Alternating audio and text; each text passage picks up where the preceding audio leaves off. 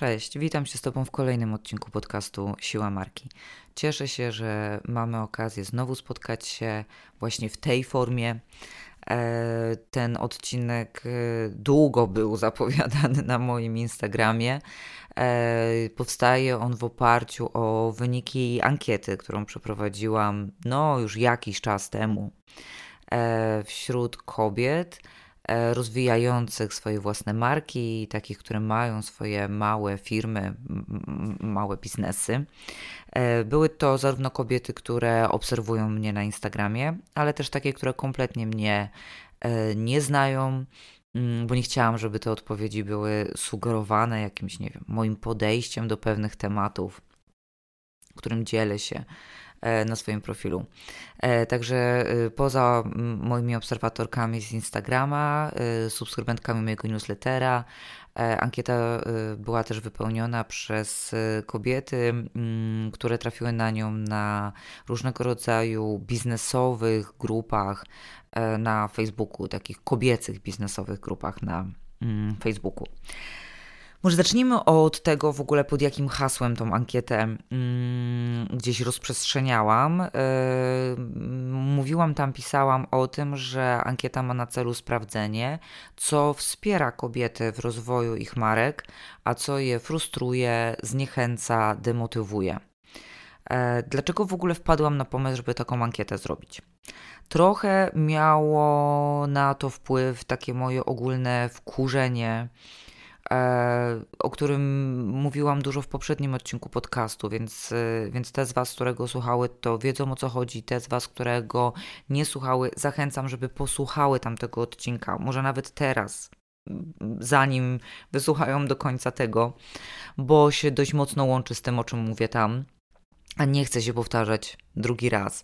E, o, ogólnie mówiąc, tak przypominając tym, które, które słuchały tamtego odcinka, e, to, była, to było wkurzenie wynikające z takiej ogólnej narracji na temat tego takiego ciśnienia związanego z rozwojem swojej marki, presji, która jest narzucana, tego pokazywania nam, że da się szybko, e, da się y, w momencie, kiedy będzie intensywnie i z takim dużym nakładem pracy też, tak? Albo że są jakieś gotowe sposoby, które nam w tym pomogą i tak dalej, i tak dalej. Więc jakby z jednej strony było to moje wkurzenie. Trochę też yy, dlatego, tak z ciekawości, bo zastanawiałam się, na ile moje wkurzenie, na ile rzeczy, o których mówiłam w poprzednim odcinku, są tylko we mnie, są tylko moje, może mi się wydaje, że tak jest, a może tak naprawdę wcale tak nie jest. Więc yy, wiecie, no, nie chciałam się zafiksować na jakichś swoich przekonaniach, tak? Że, że no właśnie, czy to nie są moje przekonania? To chyba też na to trochę ta ankieta miała mi odpowiedzieć. Trochę też dlatego ją zrobiłam, że to jest takie bardzo yy, spójne w ogóle z moim podejściem do mm, tematu marketingu, do tematu komunikacji, e, tego, że ja bardzo lubię rozumieć i wiedzieć. W sumie to nie jest tylko moje podejście do tematu marketingu i komunikacji, to jest ogólnie moje podejście do większości tematów życiowych. E, lubię rozumieć, dlaczego coś jest tak, a nie inaczej. E, a w marketingu bardzo dużą uwagę zwracam na to, żeby poznać, zrozumieć klienta.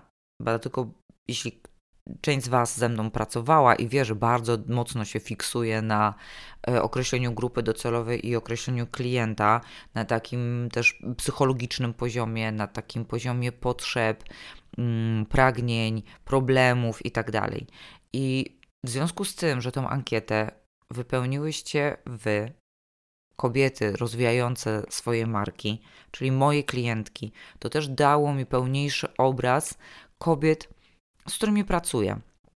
Mm, I też myślę, że bardziej, e, że, że, pomoże mi to jeszcze lepiej odpowiedzieć na Wasze potrzeby w ramach kontentu, który tworzę, e, ale też we, we współpracy w momencie, kiedy pracujemy mm, nad Waszymi strategiami. No i tak już na samym końcu przyznam, że już nie wiem, nawet nie chcę o tym mówić, ale powiem, e, że po części ta ankieta była też po to, żeby odczarować moją blokadę przy pisaniu e-booka. O tym e-booku mówiłam Wam bardzo dawno temu. E, nagrałam nawet jeden rozdział, jeśli go nie słuchałaś, zachęcam, bo ten rozdział sam w sobie, jako taka, wiecie, forma oddzielna od e-booka, również jest wartościowy, także zachęcam Cię, to jest rozdział na temat sprzedaży. Jest on tutaj dostępny, mm, bez względu na to, gdzie słuchasz tego podcastu, czy to jest YouTube, Spotify, czy Apple Podcast. E, bo się zawiesiłam, mm, dziewczyny, powiem Wam wprost, od dobrych kilku no już nawet chyba nie tygodni, a miesięcy nie napisałam nic i wydaje mi się, mam takie poczucie, że chyba gdzieś też weszła we mnie jakaś taka blokada związana z tym, że zaczęłam się zastanawiać, czy część tych treści właśnie na jakichś moich przekonaniach się mm, nie opiera. Nie wiem, jakiś syndrom oszustki mi wjechał czy coś. No nie wiem, ale stwierdziłam, że ta ankieta może mi też w tym pomoże. Um, no dobrze, no to jak już tytułem wstępu tego przydługiego opowiedziałam co i jak, no to lećmy dziewczyny. Co ta ankieta pokazała? Będzie dzisiaj, mm, taki przerwnik mały, będzie dzisiaj trochę szelestów, bo ja tutaj mam takie, wiecie, kartyczki malutkie z notatkami i dzisiaj muszę się nimi posiłkować, mm, no bo, y, no nie czarujmy się, nie pamiętam tych wyników, tak, nie znam ich na pamięć. Okej, okay. zaczęłam od tego, że y, zapytałam y, dziewczyn o to, jak długo rozwijają swoją markę. Żebym też wiedziała, z kim mam do czynienia, że to są osoby dopiero startujące, czy już takie, wiecie, stare wyjadaczki, które już mają taki stabilny, osadzony biznes. I przyznam Wam, że te wyniki super mnie ucieszyły, bo to pokazuje, że obraz mamy bardzo szeroki ponieważ 17% y, z ankietowanych planuje dopiero swój biznes, czyli w ogóle jeszcze ta marka nie istnieje. 25% działa krócej niż rok. 14% e, działa dłużej niż rok, ale mniej niż 2 lata.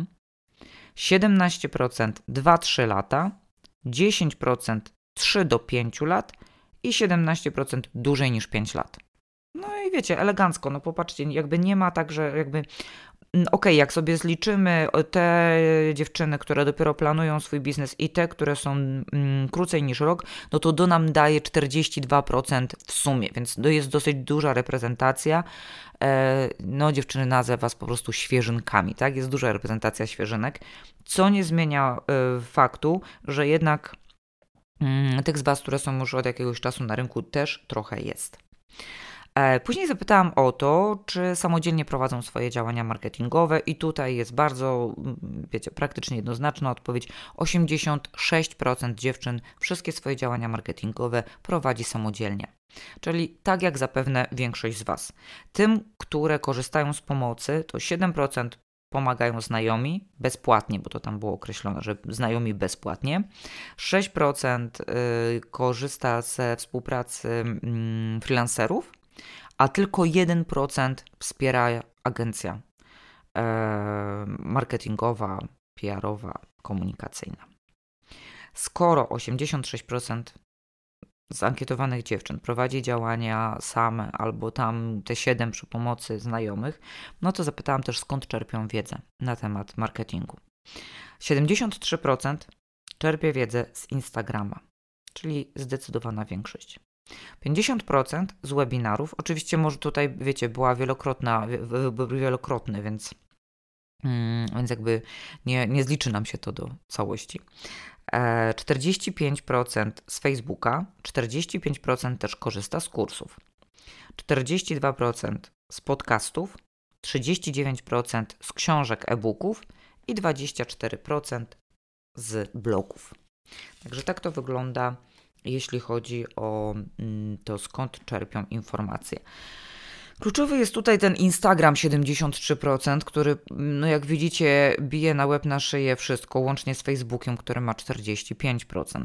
Mm, dlaczego tak tego Instagrama mm, podkreślam?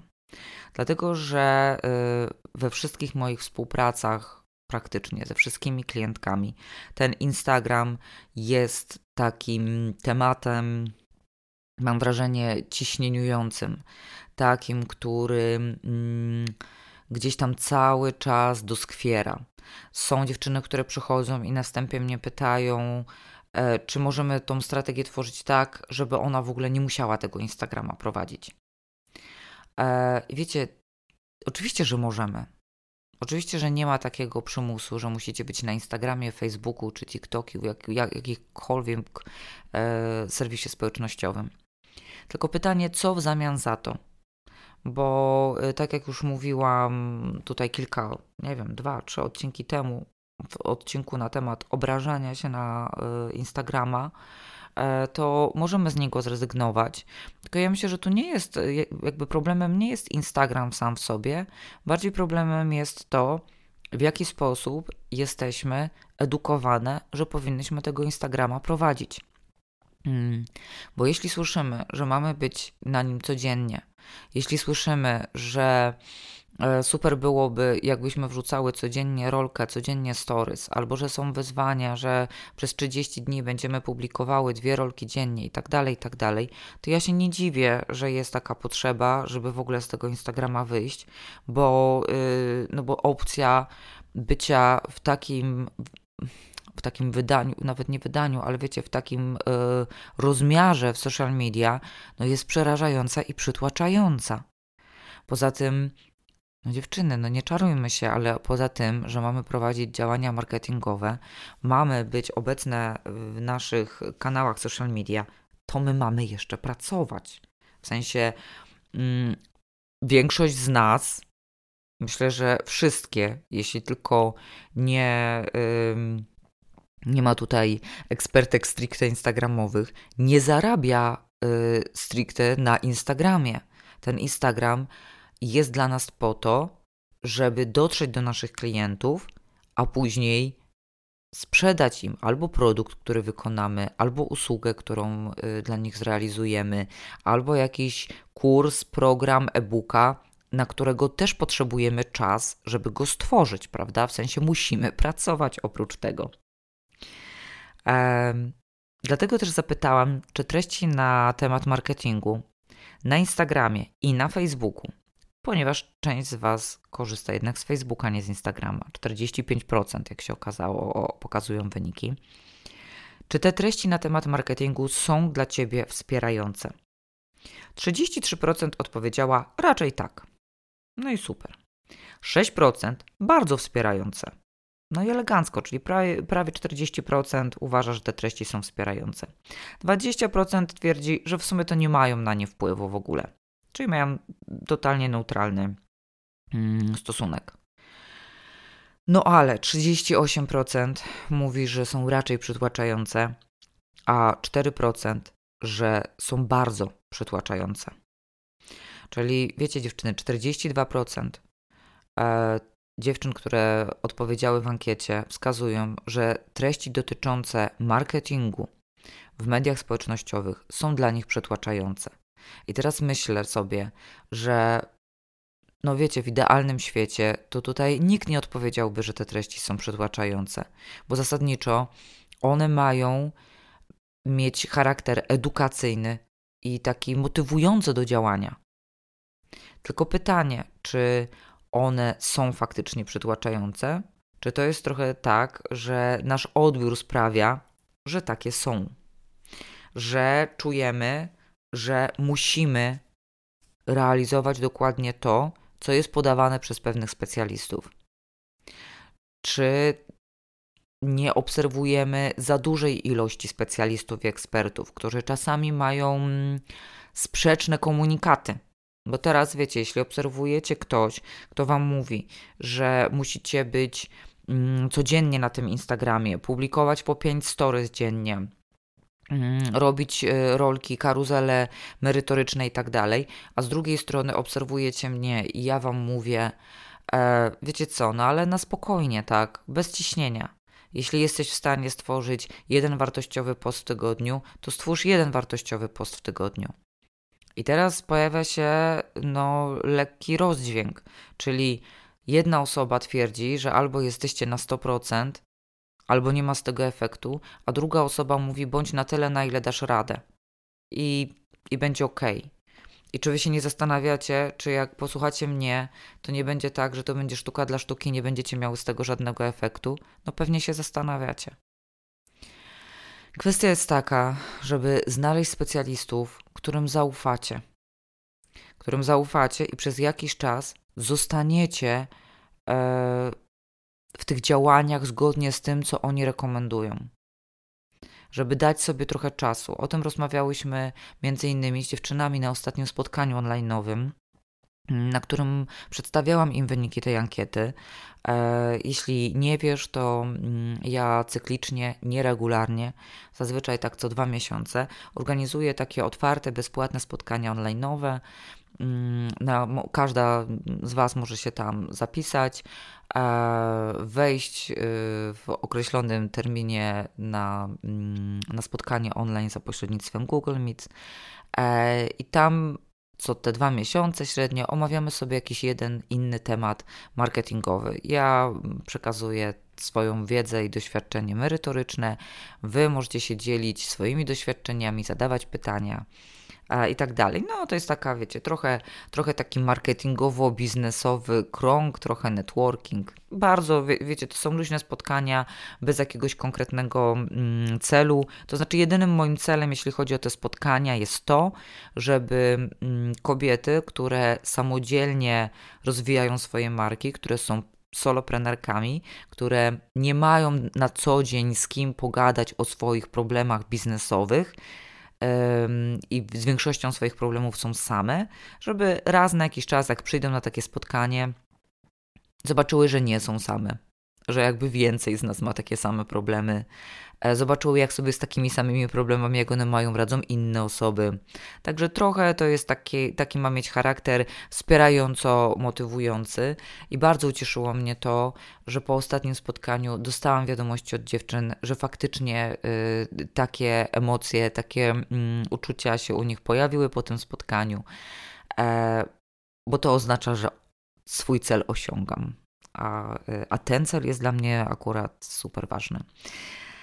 I właśnie na ostatnim tym spotkaniu y, online'owym, które odbyło się w tym tygodniu, mm, jak przedstawiałam dziewczynom wyniki tej ankiety, to między innymi właśnie rozmawiałyśmy o tym, że jest to trudne, żeby wybrać sobie kogoś, komu zaufamy w tym temacie marketingowym e, i przy którym być. Ja jeszcze powiedziałam ze swojej strony, że wiecie co, dziewczyny naprawdę bardzo trudno za pośrednictwem e, samego Instagrama, E, czy samego Facebooka, przekazać wiedzę, na której będzie się mogła mm, druga strona opierać w pełni i realizować swoje cele.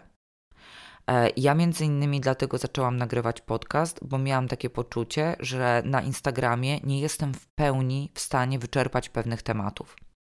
Jednak w żaden sposób e, nie jestem w stanie ich w pełni wyczerpać tak wiecie, ko komunikując się z Wami e, przez media społecznościowe, czy przez podcast, czy przez newsletter. Wiadomo, że newsletter i podcast na pewno ma pełniejszą formę i jest mi to łatwiej zrobić. Przez social media jest trudniej, ale no dlatego my wszyscy y, twórcy, którzy... Których biznesy opierają się na sprzedaży wiedzy, na doradztwie, konsultacjach itd., tak mamy też produkty płatne.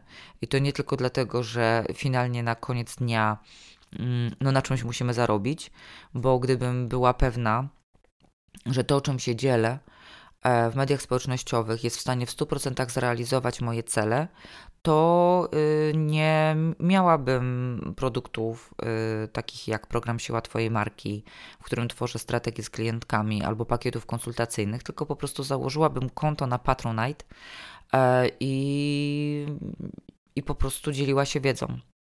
Ale w pełni nie jest to możliwe.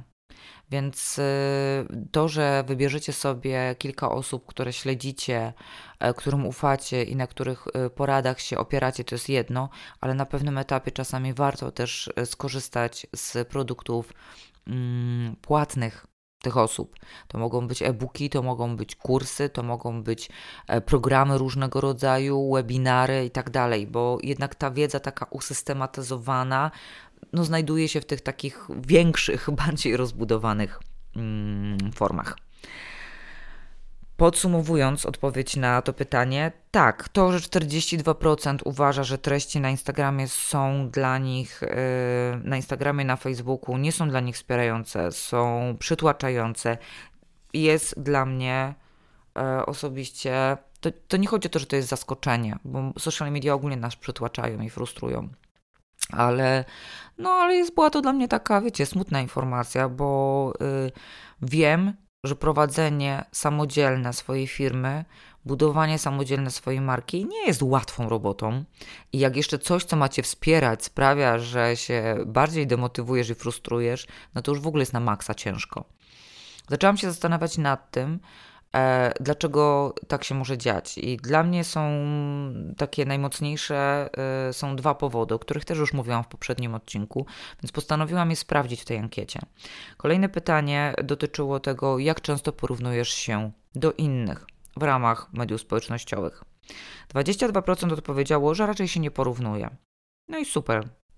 Dziewczyny, bardzo się cieszę, że jest przynajmniej jakaś tam część, e, część osób, która się nie porównuje do innych. Jednak 17% robi to codziennie, 37% czasami, 16% często. Eee, więc jak widzicie, zdecydowana większość jednak się porównuje. I wiecie, w samym porównywaniu się nie ma niczego złego. Bardzo często w ogóle nie jesteśmy w stanie nad tym zapanować. Tylko teraz kwestia tego, do kogo i jak się porównujemy. Czyli w momencie, kiedy nam się odpala w głowie porównywanie się do kogoś konkretnego, kogo widzimy w social media, kto jest naszą konkurencją na przykład, to po pierwsze zastanówmy się, na jakim etapie jest działalność tej osoby, jak długo ta marka już jest na rynku, jak długo ta osoba prowadzi ten swój profil w social media. Bo wiecie, porównywać się w pierwszych sześciu miesiącach swoich działań do kogoś, kto buduje swoją markę od sześciu lat, no to naprawdę to jest totalnie bez sensu. I ja wiem, że w czystej teorii każda z Was o tym wie. Tylko, że w praktyce to tak nie działa. W praktyce to jest tak, że widzicie, że ktoś ma e, super rozbudowany profil, bardzo dużą społeczność, cały czas w ogóle, wiecie, publikuje, publikuje, publikuje i wy się nie zastanawiacie nad tym, czy on w ogóle sam prowadzi te działania. Bo jak on jest od 6 lat w social media, ma od 6 lat buduje markę, to najprawdopodobniej ma już ludzi, którzy mu w tym pomagają. Ma budżety na kampanie reklamowe. Jakby wiecie, to w ogóle nie jest wasz pułap i wasz poziom działania. To jest trochę tak, jakbyście robiąc świece zapachowe, chciały porównywać e, swoją sprzedaż, ilość sprzedaży w skali miesiąca do e, ilości sprzedaży e, świec w IKEA. Już nie mówię, że w całej sieci, w jednej, w Krakowie. No tak czy siak, dziewczyny, to nie jest ten sam poziom. I porównywanie się do osób, które są dużo, dużo dalej niż wy, które działają od iluś lat, które już przetestowały wiele różnych rozwiązań i one już popełniły te wszystkie błędy, które wy popełniacie i byli, by, były już te osoby w tych wszystkich miejscach, w których wy byłyście, bo one też tam były, naprawdę. To jest zupełnie bez sensu. I to porównywanie się, takie mm, bez tej refleksji głębszej, no to ono może być turbo wypalające. Druga kwestia, która mi gdzieś tam y, mocno krąży po głowie, to jest to pokazywanie swoich wyników sprzedażowych w social media. I teraz tak, wiecie dziewczyny, znaczy nie wiecie, bo do 12% ankietowanych nie trafiają takie informacje. Zazdroszczej. Ale pozostałe 78%, y, przepraszam, 88% e, wie, że bardzo często szczególnie na Instagramie, na Facebooku też, na YouTubie też mi się takie reklamy pojawiają, ale na Instagramie szczególnie pojawiają się informacje o tym, ile to zarobiłem na produkcie X w czasie Y.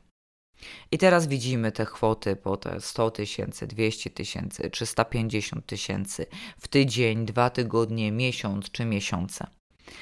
I no właśnie, i co się dzieje? No więc zadałam pytanie, czy to pokazywanie wyników w social media jest dla Ciebie motywujące czy frustrujące?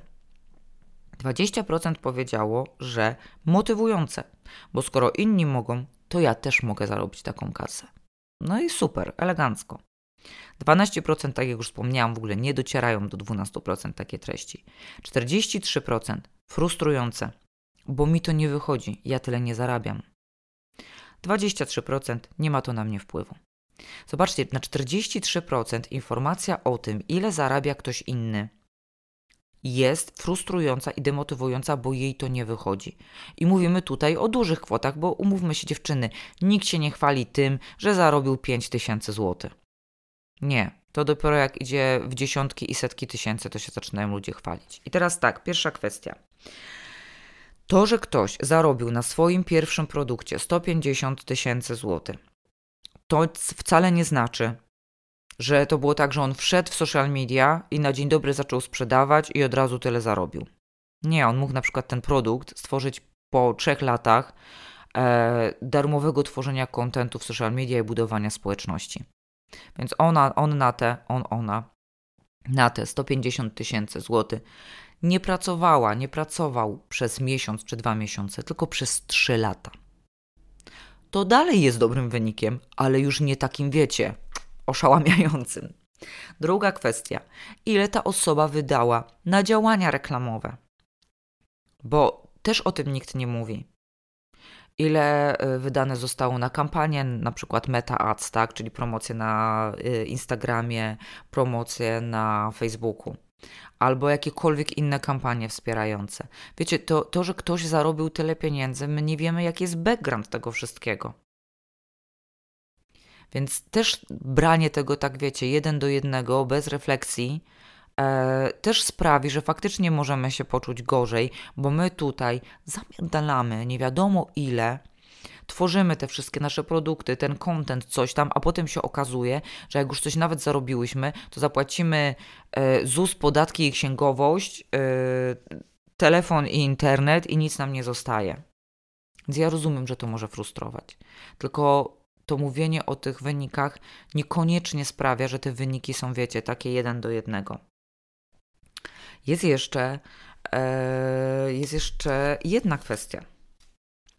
Czy my naprawdę potrzebujemy zarobić te 150 tysięcy, żeby czuć się dobrze? Bo nad tym też zaczęłam się jakiś czas temu zastanawiać. E, żyjemy w takich czasach, e, w jakich żyjemy, gdzie wzrost jest E, czymś, co ma być stałe i niezmienne. Wszystko ma się rozwijać i wzrastać. Jeśli PKB spada, to to jest jedna z najgorszych informacji w wiadomościach. PKB musi rosnąć. Nieważne ile to PKB wynosi, ważne, że wzrosło. Wszystko ma rosnąć. I teraz tak. E, zapytałam, jaki zysk w skali miesiąca jest albo byłby dla Ciebie satysfak- satysfakcjonujący zysk, czyli już to, co ci zostanie po opłaceniu kosztów, tak? To też było podkreślone w tym pytaniu. Jako satysfakcjonujący uważamy, i to też było doprecyzowane, że są to Twoje podstawowe potrzeby, plus dodatkowe przyjemności, ale wiecie, bez jakichś nadmiernych ekstrawagancji, tak? I teraz 11% ankietowanych dziewczyn odpowiedziało, że jest to kwota do 3000 zł. Czyli w sumie poniżej minimalnej krajowej. 34% odpowiedziało, że to jest kwota pomiędzy 3100 a 5000. 23% odpowiedziało, że jest to kwota między 5000 a 7000. 17% odpowiedziało, że to jest kwota między 7000 a 9000. 9% odpowiedziało, że to jest kwota między 9000 a 15000. 5% tylko, że jest to kwota między 15 tysięcy a 20 tysięcy. Nikt nie zaznaczył kwoty powyżej 20 tysięcy. Nikt. No więc ja się zaczęłam wtedy zastanawiać nad tym, no to o co chodzi? To dlaczego taka ilość z nas, 43%, jest sfrustrowana tym, że są ludzie, którzy zarabiają po 150-300 tysięcy na tym swoim pierwszym produkcie, tam mm, wiecie, E, takim umownym pierwszym produkcie, no ale ogólnie, tak? Skoro mm, naprawdę no niewielka ilość chce zarabiać powyżej 9 tysięcy, a w sumie dla nikogo nie jest kwota powyżej 20 interesująca. I teraz tak, z jednej strony odezwały się głosy, bo zarówno poruszałam ten temat na mastermindzie, Mm, z, z moimi mastermindowymi partnerkami, jak i na ostatnim spotkaniu online'owym z dziewczynami. I pojawiły się takie głosy, że mm, no, że kobiety ogólnie w ogóle nawet nie są w stanie sobie wyobrazić, że są w stanie, że mogłyby zarabiać takie pieniądze, że to są kwoty w ogóle niewyobrażalne dla nich, że, że bały się w ogóle, wiecie, pomyśleć o tym, że mogłyby zarabiać więcej. No dobra, ja to przyjmuję i rozumiem, że y, dla większości osób ankietowanych kwota powyżej 20 tysięcy to była abstrakcja totalna, że mogłaby zarobić więcej niż 20 tysięcy w skali miesiąca. E, że nawet kwota powyżej tam, nie wiem, 9 czy 7 tysięcy byłaby abstrakcją, bo na przykład nie zarabia na swojej marce w ogóle albo poniżej 3. No dobrze, ale teraz jednak ja jestem uparta E, i gdzieś tam tej swojej tezy jednak będę trochę bronić. Ale jednak zaznaczyła te kwoty w tej ankiecie. Czyli to są kwoty, które mogły być dla niej satysfakcjonujące. Czyli e, z jednej strony e, rozumiem, że nawet nie podejrzewa, że mogłaby zarobić więcej, nawet sobie tego nie wyobraża, ale z drugiej strony, czy to nie jest tak, że gdyby nie to takie ciśnienie związane z tym, że inni zarabiają bardzo dużo, to te kwoty naprawdę mogłyby być dla niej satysfakcjonujące? Czy to nie jest tak, że to 5, 7, 9 tysięcy byłoby naprawdę spoko dla mnie na mojej własnej marce? Ale jak widzę później, że ktoś mówi, że on zarobił 150 w miesiąc, to myślę sobie, nie no, ja jestem po prostu kurwa frajerką. Ja sobie, i co, i że dla mnie mi 7 tysięcy wystarcza i jest spoko, bo y, zapłacę, y, załóżmy tam, ja zarabiam 7, mąż ileś tam, zapłacimy kredyt, y, zapełnimy lodówkę przez ten miesiąc, dzieciaki wyślemy tam, nie wiem, dwa razy do roku na obóz, raz w roku pojedziemy na wakacje, coś tam sobie y, kupię oprócz tego, jakby no, wy, wystarcza nam, co nie? No ale ja jestem frajerką, no może nam wystarcza, ale inni cisną 150 tysięcy.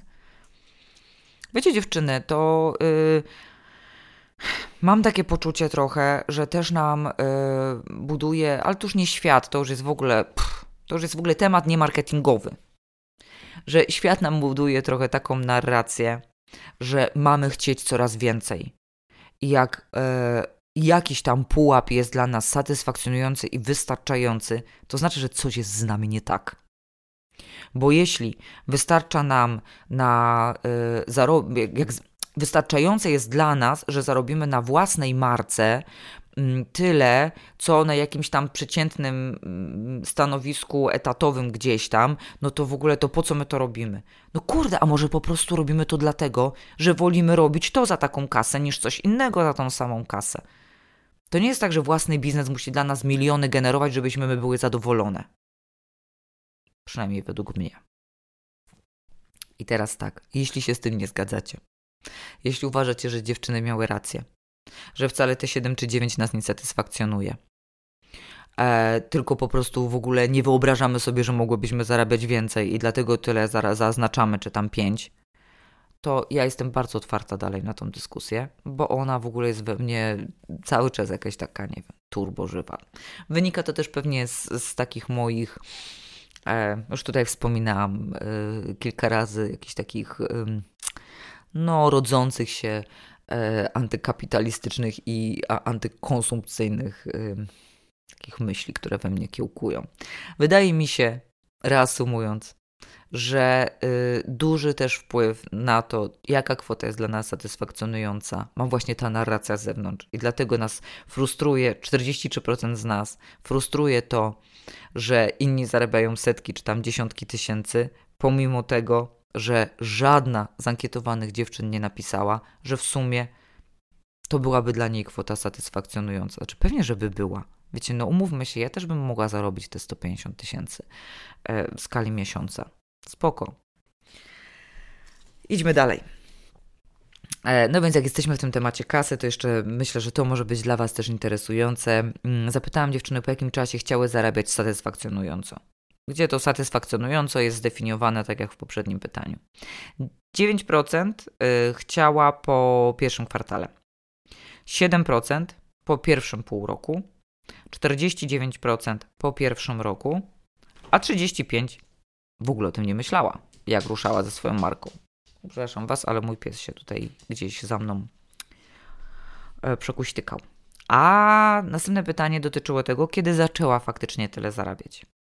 8% po pierwszym kwartale, 3% po pierwszym pół roku, 12% po pół roku, 47% nie zarabia nadal satysfakcjonująco, a 30% nie zarabia w ogóle jeszcze na swojej marce. I to są trudne wyniki dziewczyny. W sensie trudne takie, hmm, no takie, no nie wiem, no smutne dla mnie trochę. W sensie, że 77% mm, nie zarabia satysfakcjonująco. Fakt, tak jak mówiłam na początku, 42% to są y, dziewczyny, które jeszcze nie wystartowały ze swoją marką albo są w pierwszym roku. Więc jakby duża część tych 70% to są takie osoby, które jakby jasne, że jeszcze nie zarabiają, to jest ok. Ale duża część mm, z tych niezarabiających jest już dłużej niż rok na rynku i to jest trudny temat. E, nie chcę dzisiaj się rozwodzić na temat tego, dlaczego po tak długim czasie nie zarabiasz na własnej marce i czy warto ją e, dalej rozwijać. Myślę, że to jest temat, z którym ja muszę pobyć trochę. Muszę sobie go dobrze przemyśleć i postaram się mm, nagrać odcinek na temat tego, jak przeanalizować po takim czasie, po, dłuższym, po czasie dłuższym niż rok, e, swoją działalność, żeby zobaczyć, bo wiecie, to jest bardzo dużo aspektów. Trochę o tym mówiłam na spotkaniu online'owym, ale tych aspektów, które możemy sobie zaudytować, przemyśleć jest sporo, więc y, to jest jakby zupełnie oddzielny temat. Będę chciała go, mm, będę chciała go poruszyć. No. Mm, Okej, okay. kolejne pytanie. Mm, było takie trochę, no takie na przekór je zadałam. Czy uważasz, że są sprawdzone triki sprzedażowe i metody, które pozwalają innym zarobia, zarabiać bez wydatków dodatkowych na reklamę czy działania promocyjne satysfakcjonującą kasę? I teraz 30% mówi tak, oczywiście, przecież inni osiągają takie wyniki. Czyli 30% z ankietowanych dziewczyn uważa, że są triki sprzedażowe, które bez żadnych działań reklamowych pozwalają, wiecie, cisnąć sprzedaż. Powiem Wam tak, dziewczyny. Jeśli znacie osobę, która faktycznie ma takie triki sprzedażowe, to ja bardzo chętnie ją poznam, bo ja tego przez kilkanaście lat no nie poznałam. Nie znam takich trików. Sorry, ja was tego nie nauczę. Jeśli przyszłyście do mnie z nastawieniem, że, że nauczę was sprawdzonych metod i trików na to, żeby szybko pozyskać klientów i tak dalej, no to u mnie szybkie triki nie działają. 23% twierdzi, że, mm, że nie ma takich metod, ale trzeba mieć farta albo jakiś swój sposób.